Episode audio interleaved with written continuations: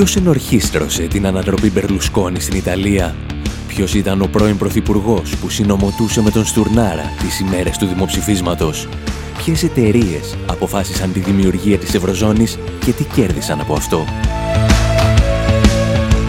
Οι δημιουργοί των ντοκιμαντέρ «Χρεοκρατία», «Καταστρόικα» και «Φασισμός ΑΕ» επιστρέφουν με μια νέα παραγωγή. This is not a coup. Δεν ήταν πραξικόπημα, είναι η Ευρωπαϊκή Ένωση.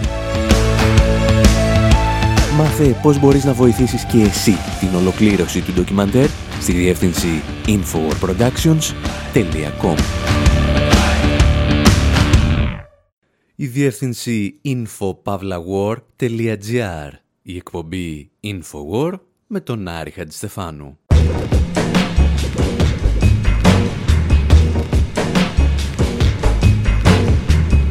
Όπου σήμερα, αντί εκπομπής, είπαμε να κάνουμε πάρτι. Το 2015 που μας αφήνει είναι η χρονιά στην οποία το ραδιοφωνικό Infowar κλείνει τα 10 του χρόνια. Σκεφτήκαμε λοιπόν να σας παρουσιάσουμε 20 τραγούδια που μας στήχιωσαν για μία δεκαετία. Διηγούμαστε ιστορίες ταξικού τουρισμού στο Λονδίνο με τη βοήθεια των Pulp και βλέπουμε η ευχή μας να πεθάνει η Μάργαρετ Θάτσερ να γίνεται πραγματικότητα. Ταξιδεύουμε στο Μισισιπί και στη Νέα Ορλεάνη και επιστρέφουμε στις καταστροφές και στο Slumdog Millionaire του σήμερα. Εάν πάλι εσείς τύχει να ακούσετε αυτή την εκπομπή το Σάββατο 12 Δεκεμβρίου και είστε και στην Αθήνα, σας περιμένουμε να γιορτάσουμε τα 10 χρόνια του Infowar σε ένα πραγματικό πάρτι. Από τις 8 το βράδυ μαζευόμαστε στο Κρόιτσμπεργκ, στην Πλατεόν 36, στον Κεραμικό. Ακούμε μουσικές από μία δεκαετία Infowar και παράλληλα σας παρουσιάζουμε την πορεία των γυρισμάτων του νέου μας ντοκιμαντέρ This is a coup. Αυτό είναι ένα πραξικόπημα. Πρώτα όμως έχει σειρά το ραδιοφωνικό μας πάρτι με τους Led Zeppelin να μας προειδοποιούν ότι το φράγμα σύντομα θα σπάσει και θα μας πάρει το ποτάμι και λοιπές νεοφιλελεύθερες δυνάμεις.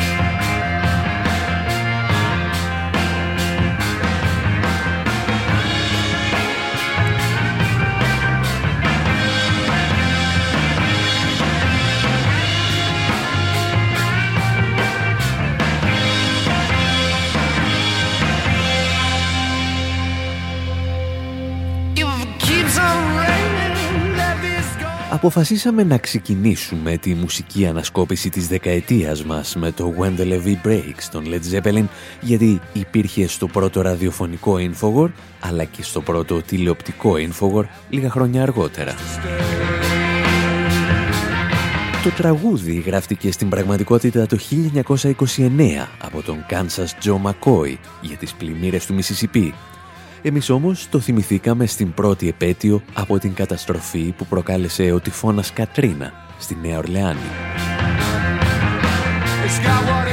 Διηγούμασταν τότε ιστορίες για τα σταφύλια της οργής του χθες και του σήμερα και αφήναμε πότε τον Bruce Springsteen και πότε τους Rage Against the Machine να τραγουδούν για τον βασικό ήρωα του Steinberg. Μέχρι τη στιγμή που ο Μπροκ Springsteen και ο Τόμ Μορέλο βρέθηκαν μαζί στη σκηνή και τραγούδησαν το φάντασμα του Τόμ Τζόουτ.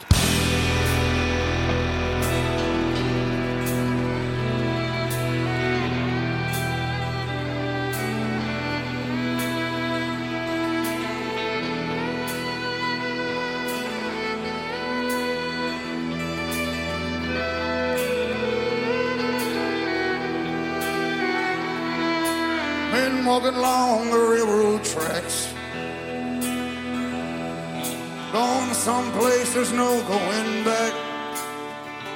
Highway patrol choppers coming up over the ridge.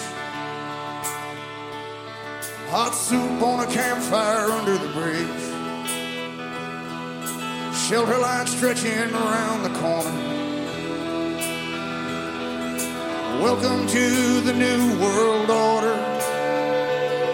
Families sleeping in their cars in the Southwest. No home, no job, no peace, no rest. Well, the highway is alive tonight. But nobody's kidding nobody about where it goes. I'm sitting down here in the campfire light. Searching for the ghost of Tom Snow.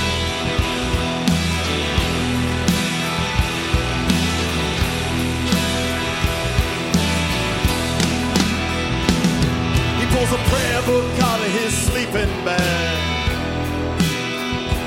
Preacher lights up a butt and takes a drag. Waiting for when the last shall be first and the first shall be last.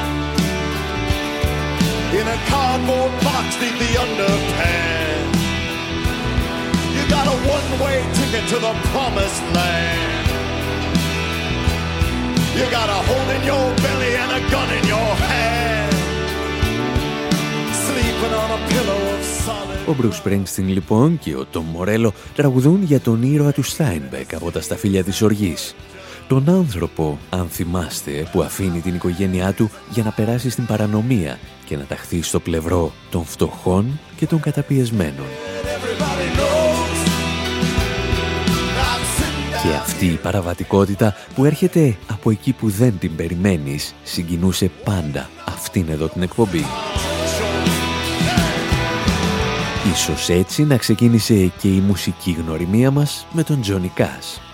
Σε μία από τις πρώτες ραδιοφωνικές εκπομπές τον αφήσαμε να περιγράψει τις τελευταίες στιγμές ενός θανατοπινίτη. Well, they're building a gallows outside my cell And I've got 25 minutes to go And the whole town's waiting just to hear me yell I got 24 minutes to go. Well, they gave me some beans for my last meal with 23 minutes to go. But nobody asked me how I feel.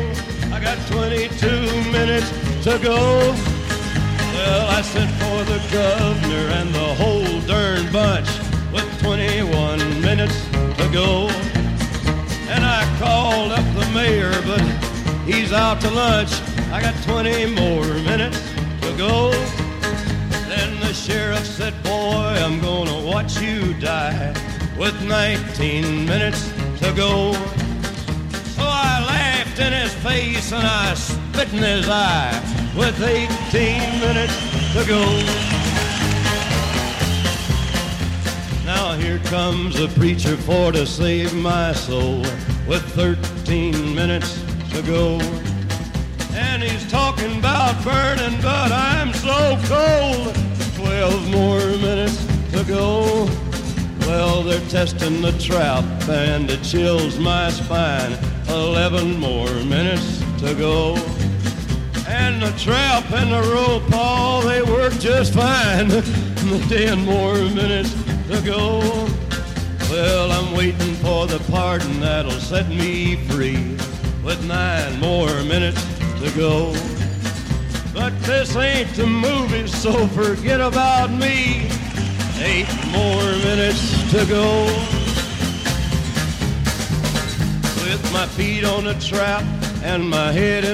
Στην εκπομπή Infowar που το 2015 έκλεισε τα 10 της χρόνια ακούτε ιστορίες παραβατικότητας, βίας και αντιβίας.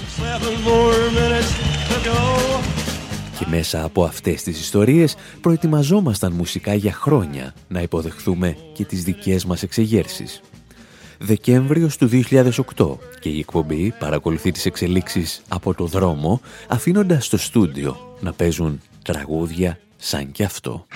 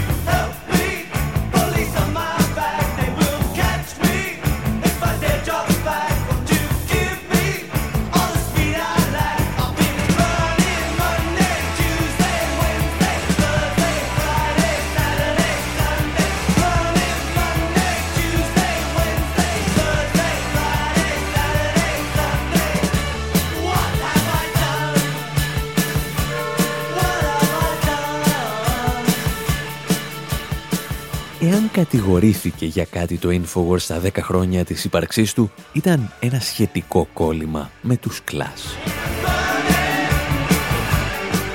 Και η κατηγορία ευσταθεί απόλυτα.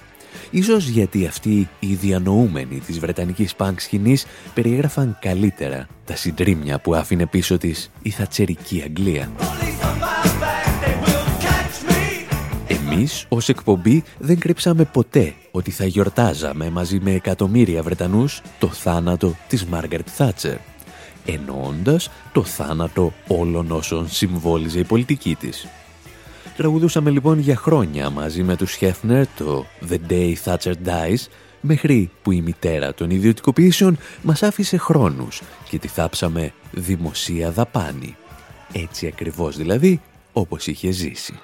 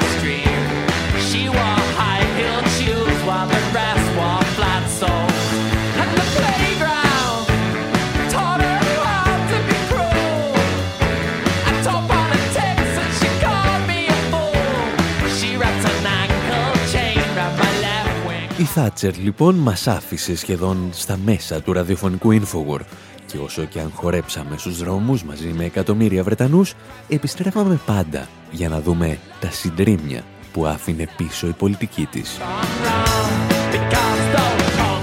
Ζητούσαμε γι' αυτό τη γνώμη ανθρώπων όπως ο Ταρικαλή που έζησε στο πετσί του τον θατσερισμό και ξέρει να τον αναγνωρίζει ακόμη και σήμερα στο μνημονιακό νότο της Ευρωπαϊκής Ένωσης.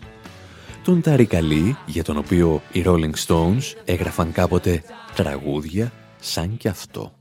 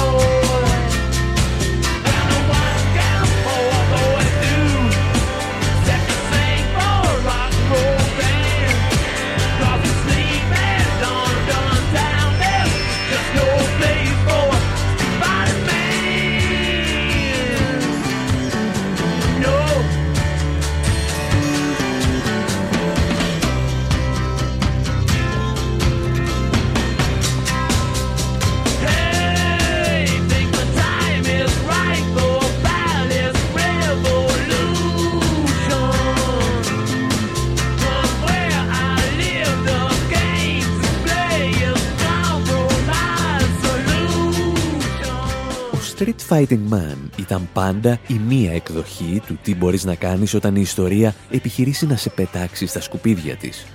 Γιατί υπάρχει δυστυχώς και το ενδεχόμενο να μην κάνεις απολύτως τίποτα. Γεγονός που μας φέρνει σε ένα άλλο τραγούδι που στιγμάτισε αυτήν εδώ την εκπομπή.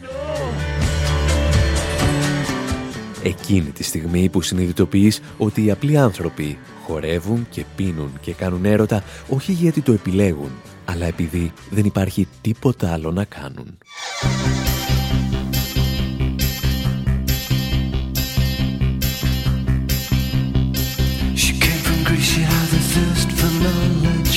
She studied sculpture at St. Martin's College, that's where I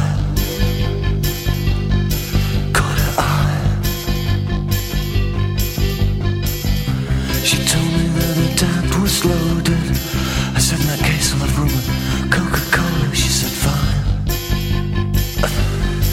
And then in 30 seconds time She said I wanna live like common people. I wanna do whatever common people do. Wanna sleep with common people. I wanna sleep with common people like you Οι Pulp θα μας συνοδεύσουν σε αμέτρητες εκπομπές καθώς πραγματοποιούν το δικό τους ταξικό τουρισμό στα προάστια του Λονδίνου. Ο δικός μας ταξικός τουρισμός πάλι θα μας φέρει σε κάθε μεριά του πλανήτη. Το Infowar θα ταξιδέψει από τις φαβέλες του Ρίο Τζανέιρο μέχρι τις παραγκουπόλεις της Βομβάης. Θα ζήσει και θα διηγηθεί το αληθινό Slumdog Millionaire χωρίς το happy ending, αλλά πάντα με τις μουσικές που συνοδεύουν τις ανάλογες ταινίες.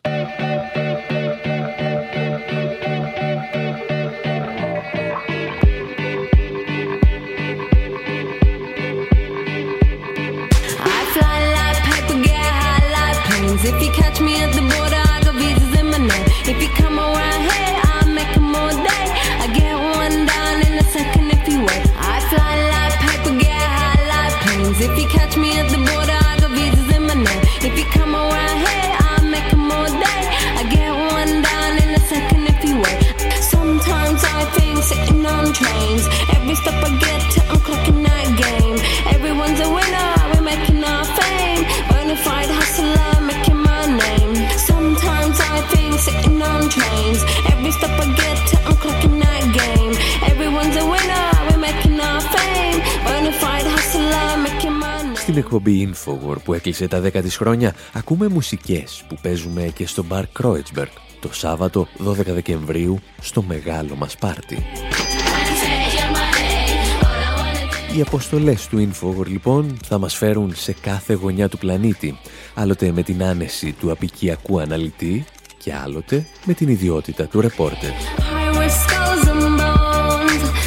Με αυτή την τελευταία λόγου χάρη επιβιβαστήκαμε κάποτε και σε ένα καράβι για τη Γάζα και μεταδίδαμε μέχρι και την τελευταία στιγμή όταν ο Ισραηλινός στρατός μας φόρεσε χειροπέδες, μας έστειλε σε μια φυλακή και πούλησε τον εξοπλισμό μας στα μοναστηράκια του Τελαβή. Εμείς πάλι με ένα τραγούδι είχαμε εξηγήσει πριν ακόμη ξεκινήσουμε ότι δεν θα μπορούσε να μας σταματήσει ούτε ένα στόλος αποτελούμενος από πλοία επτά διαφορετικών εθνών.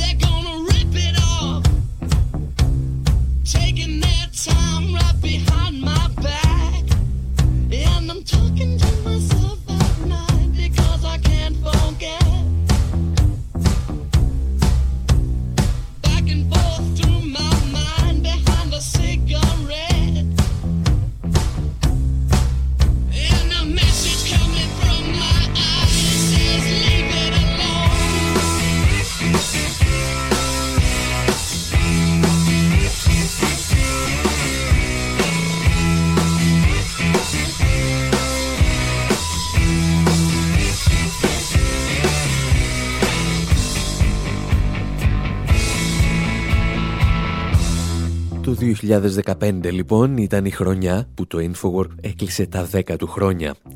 Περάσαμε από τα ραδιοφωνικά μικρόφωνα στην τηλεόραση και γίναμε ακόμη και στήλη στην εφημερίδα των συντακτών. Το τελευταίο μας χούι όμως είναι να φτιάχνουμε και ντοκιμαντέρ. Και η τέταρτη παραγωγή μας ακούει στο όνομα This is a coup. Αυτό είναι ένα πραξικόπημα. Εμείς σας προσκαλούμε να γίνετε και πάλι συμπαραγωγή μας, όπως κάνατε στα ντοκιμαντέρ «Δετόκραση», «Καταστρόικα» και «Φασισμός ΑΕ». Και αν όσο ακούτε όλα αυτά τυχαίνει να είναι Σάββατο 12 Δεκεμβρίου και είστε στην Αθήνα, σας περιμένουμε από τις 8 το βράδυ στο Μπαρ Κρόιτσμπεργκ, πλατεών 36, στον Κεραμικό. Γιορτάζουμε, όπως σας είπαμε, τα 10 χρόνια Infowar, αλλά και την έναρξη γυρισμάτων του νέου ντοκιμαντέρ Βλέπουμε παλιά και καινούργια τρέιλερ και ακούμε τραγούδια που στιγμάτισαν αυτήν εδώ την εκπομπή για μία δεκαετία. Προς το παρόν πάντως, εσείς μένετε εδώ, γιατί έχουμε άλλες δέκα μουσικές ιστορίες να θυμηθούμε στο δεύτερο μέρος της εκπομπής. Ιστορίες που μπορείτε να ακούτε πάντα αυτούσιες στη διεύθυνση info.pavlawar.gr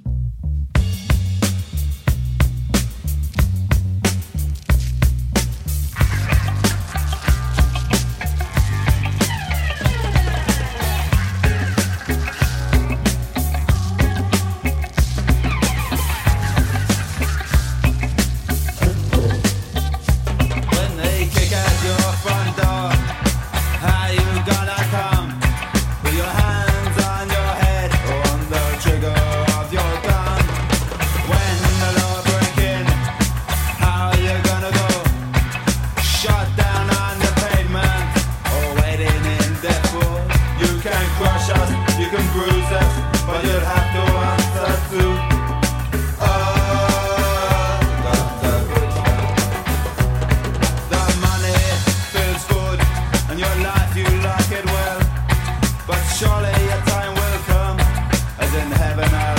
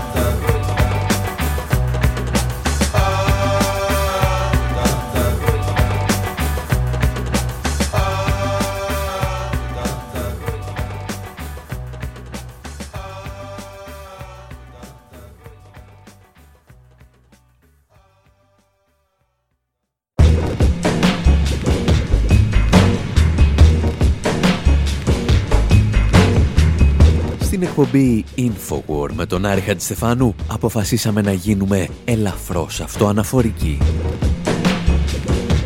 Γιορτάζουμε το 2005 που μας εγκαταλείπει σιγά σιγά, όχι μόνο γιατί φεύγει, αλλά γιατί μαζί του κλείσαμε 10 χρόνια ραδιοφωνικού Infowar.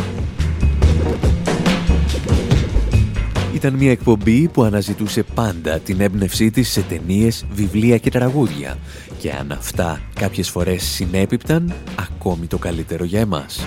Όπως εδώ, οι Cure μοιράζονται με τον Αλμπερ Καμί το συνέστημα του να σκοτώνεις έναν Άραβα και να μην αισθάνεσαι κανένα απολύτως συνέστημα. Killing an Arab.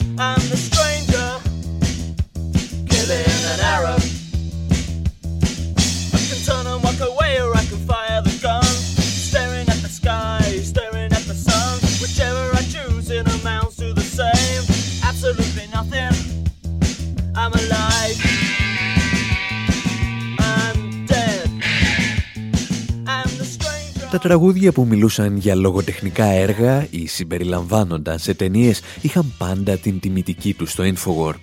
Ακόμη περισσότερο όμως μας ενδιέφεραν τα τραγούδια που περιέγραφαν ιστορικά γεγονότα με το δικό τους τρόπο. Όπως εκείνη τη στιγμή που οι Manic Street Preachers αποφάσισαν να ασχοληθούν με τον Ισπανικό εμφύλιο και να μας πείσουν ότι εάν ξέρεις να σκοτώνεις κουνέλια, μπορείς να σκοτώνεις και φασίστες.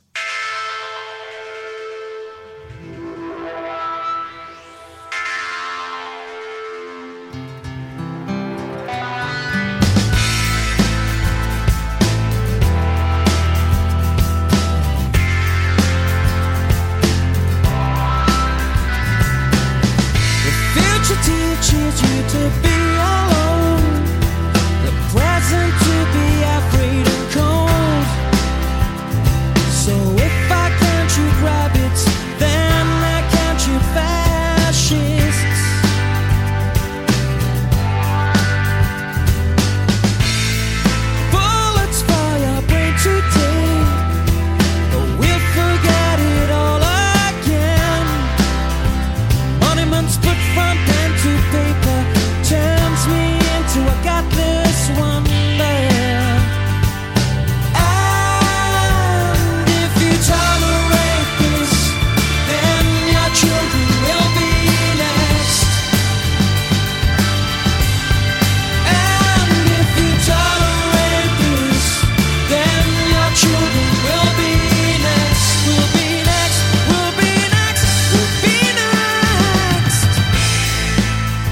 Ισπανικός εμφύλιος για τον οποίο τραγουδούσαν οι Manic Street Preachers είναι μία από εκείνες τις μάχες της ιστορίας που ξέρεις πολύ καλά σε ποιο στρατόπεδο ανήκεις. Αρκετές φορές όμως έπρεπε να περιγράψουμε και πολεμικές επιχειρήσεις για τις οποίες δεν είχαμε και πολύ όρεξη να πάρουμε ανοιχτά θέση. Τι να πεις χάρη για τον πόλεμο της Κρυμαίας και γιατί να μην αφήσεις την ανάλυση σε συγκροτήματα όπως η Kasabian, που έστειναν το βίντεο κλιπ του τραγουδιού Empire με αναπαραστάσεις από τις μάχες ανάμεσα στις δυνάμεις της Δυτικής Ευρώπης και της Ρωσικής Αυτοκρατορίας.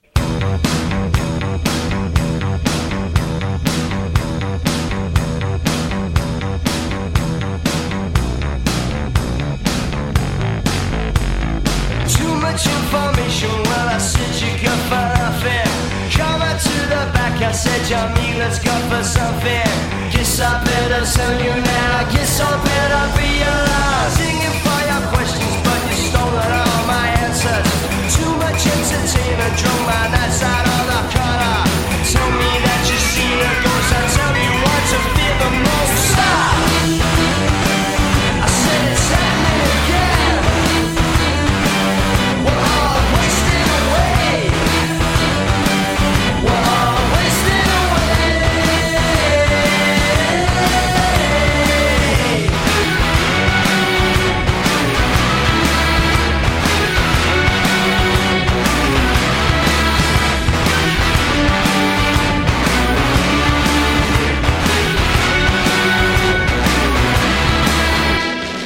πόλεμος στις διάφορες μορφές του γέμισε εκατοντάδες ώρες εκπομπών στα 10 χρόνια του Infowar και η καλύτερη στιγμή του ήταν όταν τελείωνε. Ο πόλεμος, όχι το Infowar. Ακόμη και αν πρόκειται για μια ανακοχή που διαρκεί όσο ένας αγώνας ποδοσφαίρου, σαν εκείνη την ανακοχή των Χριστουγέννων του 1914, όταν οι αντιμαχόμενοι του Πρώτου Παγκοσμίου Πολέμου άφησαν για λίγο τα χαρακόμματα και έπαιξαν μπάλα.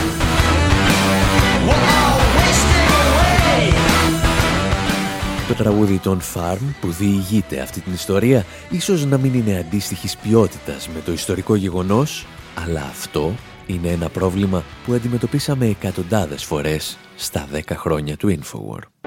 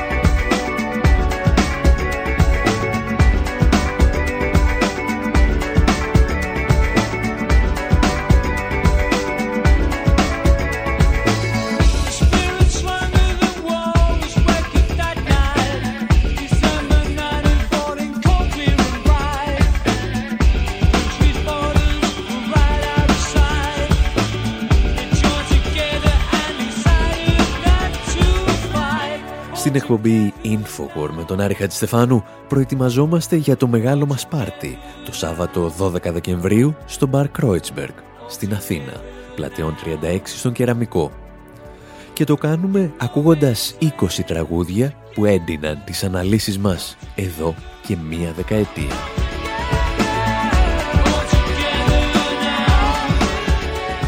Η επιλογή των τραγουδιών για το Infowar ήταν πάντα μια μπερδεμένη ιστορία ο Χρυσός Κανόνας έλεγε ότι πρέπει να είναι δημοφιλές χωρίς να κάνει εκπτώσεις στο περιεχόμενό του.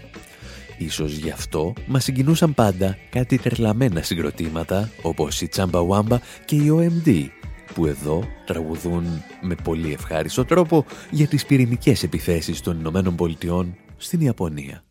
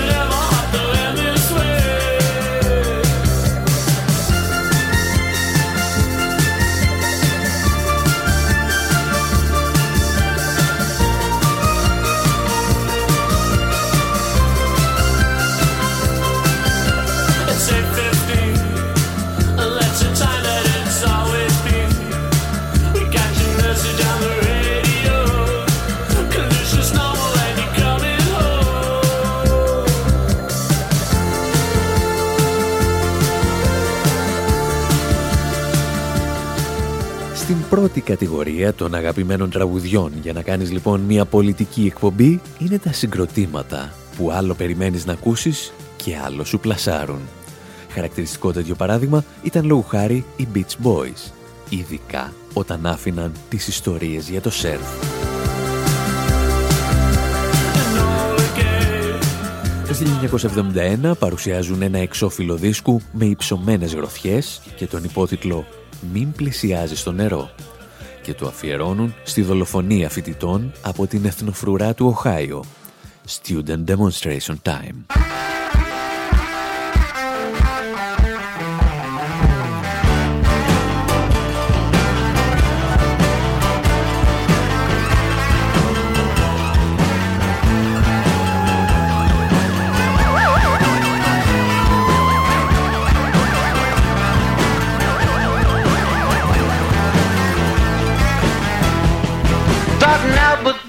Free speech, and later on at People's Park. The winds of change fanned into flame, student demonstrations spark. Down to Isla Vista, where police felt so harassed, they called the special riot squad the LA County Sheriff when there's a riot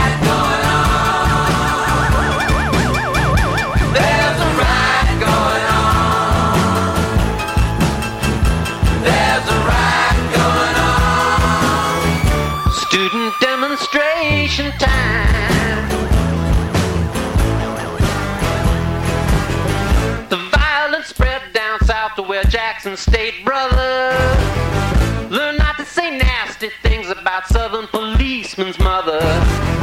Nothing much was said about it, and really next to nothing done.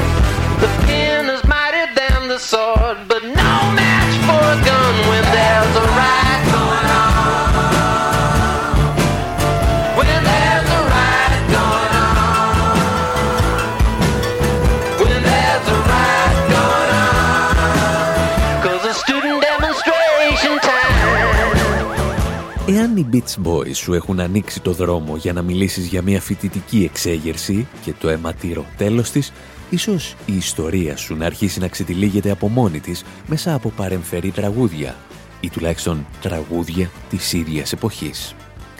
Και αυτό το μουσικό σερφάρισμα επιχειρούμε εδώ και πολύ καιρό στο Infowar. Η διαδήλωση λόγου χάρη για την οποία μιλούσαν οι Beach Boys γινόταν ενάντια στην αμερικανική επέμβαση στην Καμπότζη. Ιστορίες δηλαδή που διηγούνταν και οι Dead Kennedys.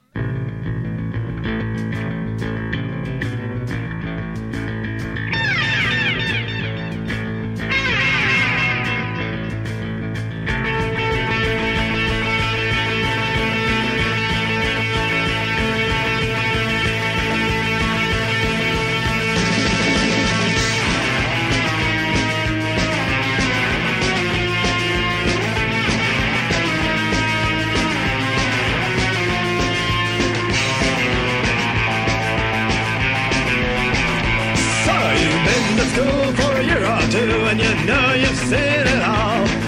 And that is coming and you'll go far back east your time don't crawl. Play ethnic jazz to parade your snares on your background stereo.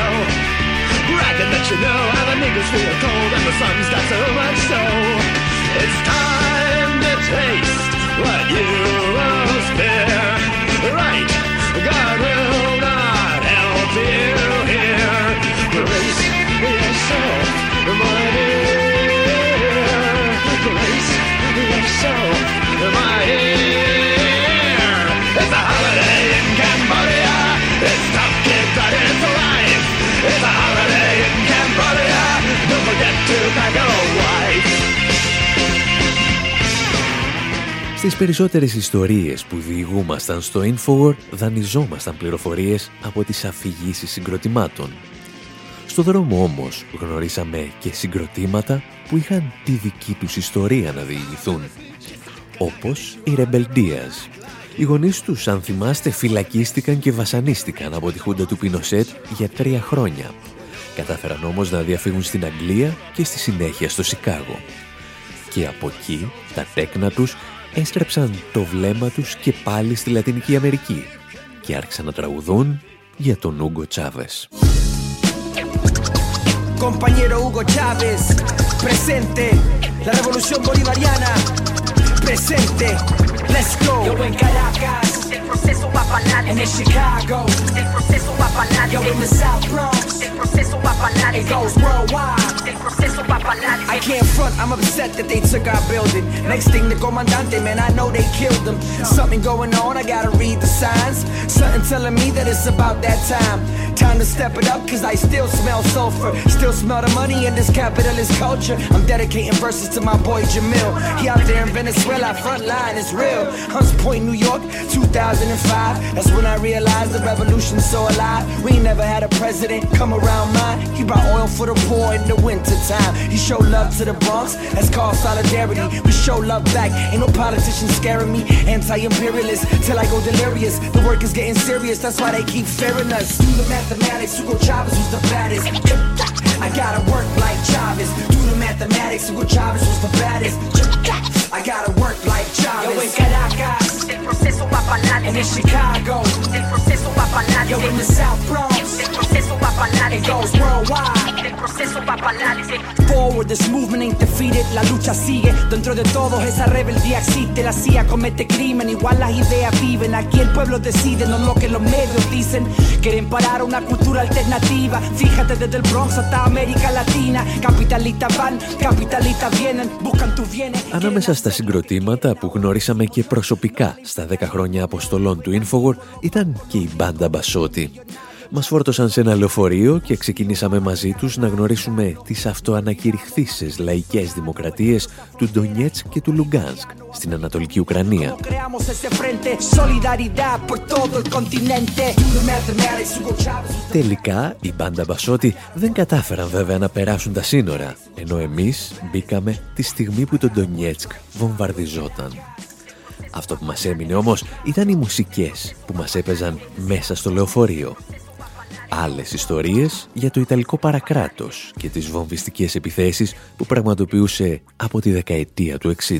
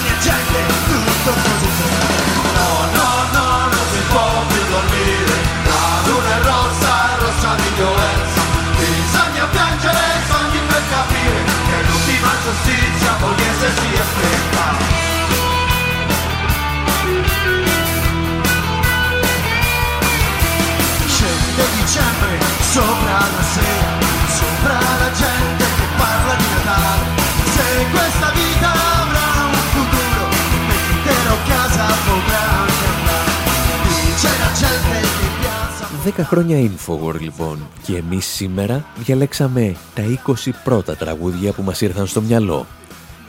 20 από εκατοντάδες κομμάτια που άλλαξαν τον τρόπο που βλέπουμε την ιστορία αλλά και τη δημοσιογραφία. Τραγούδια που θα παίζουμε το Σάββατο 12 Δεκεμβρίου στο Μπαρ Κρόιτσμπεργκ, πλατεών 36 στον Κεραμικό. Μαζευόμαστε από τις 8 για να μιλήσουμε για το νέο ντοκιμαντέρ της Infowar Production με τίτλο This is a Coup και συνεχίζουμε όλο το βράδυ με τραγούδια που έπαιζαν εδώ και 10 χρόνια στο Infowar. Αν είστε στην Αθήνα, σας περιμένουμε. Μέχρι πάντως την επόμενη εβδομάδα, από τον Άρη Χατζηστεφάνου στο μικρόφωνο και τον Δημήτρη Σταθόπουλο στην τεχνική επιμέλεια, γεια σας και χαρά σας.